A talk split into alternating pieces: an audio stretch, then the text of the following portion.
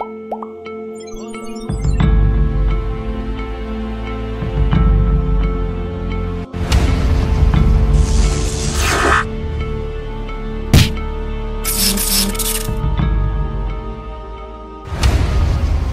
berbakti kepada orang tua yang sudah mening meninggal. Ketahuilah orang tua kami, wahai para santri, berbakti kepada orang tua tidak ada istilah selesai. Berbakti kepada orang tua terus walaupun orang tua kita sudah mening meninggal. Khususnya jika orang tua kita masih hidup.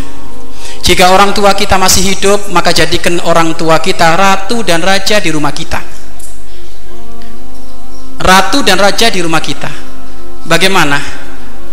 bawahan kalau ketemu ratu sama raja ngomongnya judes atau santun santun hati-hati yang ngomong judes sama orang tuanya itu mentang-mentang beliau sudah tua. Atau mungkin mohon maaf telinganya agak tuli.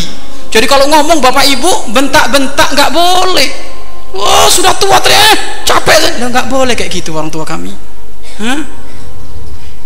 bapak ibu masih ingat kah?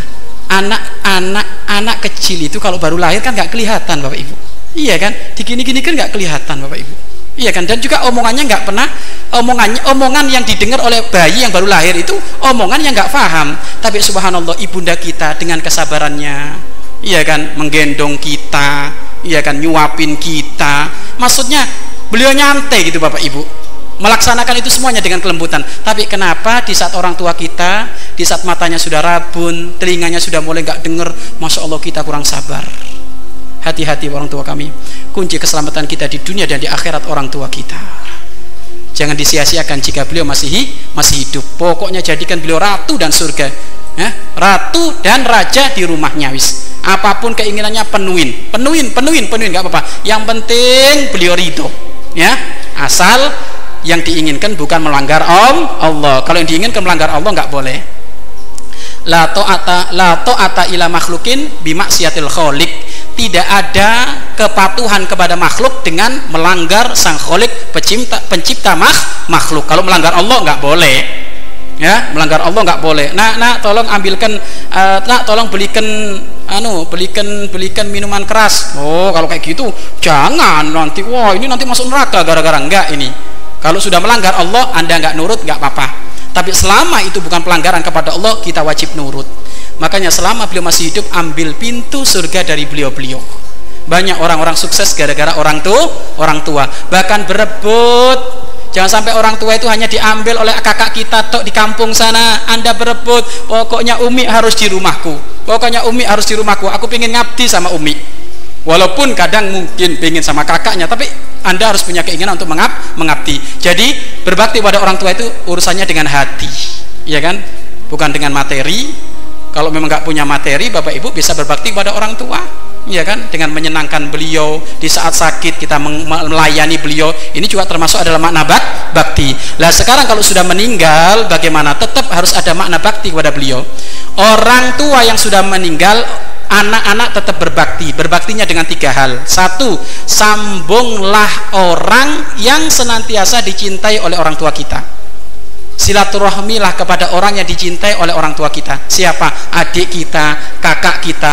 Makanya jangan sampai orang tua kita mati rebutan warisan. Kalau sudah rebutan warisan ini menjadikan gak akur. Kalau sudah gak akur berarti kita gak menyambung orang yang dicintai oleh orang tua kita. Berarti kita durhaka kepada orang tua kita. Ya disambung. Siapa yang pernah disambung oleh orang tua kita maka disambung.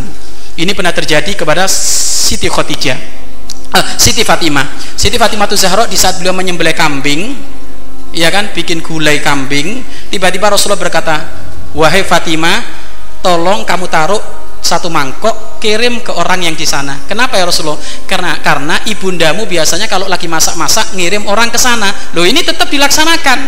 Apa yang menjadi rutinitas kebaikan orang tua kita di saat orang tua kita meninggal tetap kita menjalankan.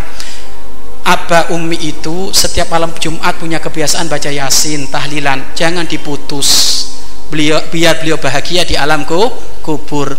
Aba Umi itu biasanya kalau hari Jumat nggak pernah lupa infak ke masjid, jangan diputus.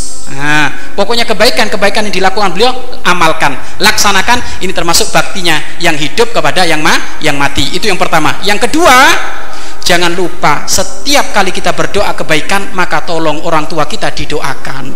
Bahkan kalau perlu itu nomor satu ya Allah ibundaku ya Allah sudah wafat. Mohon jadikan kuburannya adalah satu taman-taman dari surgamu. Ampunilah dosanya. Nah, didoakan seperti itu. Dan termasuk anak durhaka meminta kepada Allah dalam kebaikan tapi orang tuanya lupa. Oh ini anak durhaka ini andaikan anda haja-haja anda tidak disebut tapi anda mendoakan ibunda anda ayahanda yang sudah meninggal Allah akan mengabulkan haja-haja anda secara pribadi. Walaupun kita nggak sempat minta kepada Allah. Kenapa? orang tua ridho senang kita bakti kepada orang tua berkahnya hajah kita dikabul oleh Allah oleh Allah. Maka tolong jika doa hendaknya orang tua kita disebut di dalam doa kita. Kemudian yang ketiga jika ada rezeki lebih ya kan jika ada rezeki lebih maka infakkan sedekahkan wakofkan niatkan itu untuk kepentingan orang tua kita yang sudah meninggal. Dan itu sepakati oleh para ulama nyampe dan itu termasuk baktinya kita kepada orang tua yang sudah mening meninggal. Wallahu a'lam bisawab